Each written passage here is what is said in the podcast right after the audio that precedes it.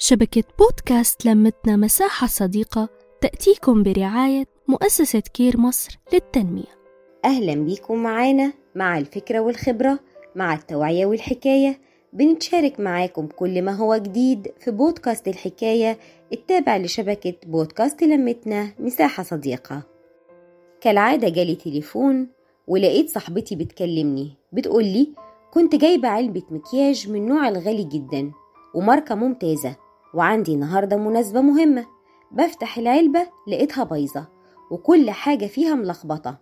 عرفت إن بنتي مي اللي عملت كده لما بتحب تجرب المكياج من ورايا. زعقت وتعصبت وتعاملت معاها معاملة قاسية جدا. عارفة عملت إيه؟ قلت لها إيه؟ قالت لي لقيت البنت بتزعق هي كمان وبترد عليا. قلت لها شفتي؟ عمرك ما هتبقي زي بنت خالتك. هي عمرها بتعمل كده بنت كويسة وبتسمع كلام مامتها. وبعدها معرفتش إيه اللي حصل. البنت اتحولت واتزربنت وراحت معيطة وداخلة أوضتها وقافلة عليها. إزاي أتعامل مع بنتي؟ طبعا بعد ما سمعت صاحبتي وعرفت كلامها مع بنتها مي قلت لها إزاي تتعاملي مع بنتك كده؟ البنت ما عادتش صغيرة دي سنها 14 سنة. أولا ما توبخيش بنتك وما تستخدميش معاها العنف وخليها قريبة منك واسمعيها لما تقولك عايزة أحط make up أو عايزة حاجة معينة. اتعاملي معاها على إنها حد كبير واستخدمي أسلوب حلو ومناسب معاها.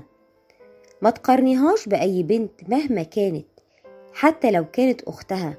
شجعيها هي على إنها تختار هي محتاجة إيه وتاخد قرارها بنفسها.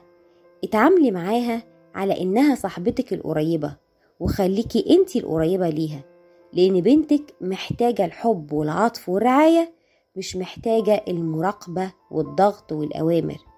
سيبيها تهتم بالموضة ومستحضرات التجميل وحضور المناسبات وخليكي أنتي بتشرفي عليها وبتساعديها حتى لو من بعيد لبعيد.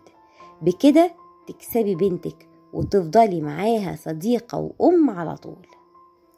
دي نصيحتي لصاحبتي ولكل أم بتسمعنا عندها بنت في سن المراهقة.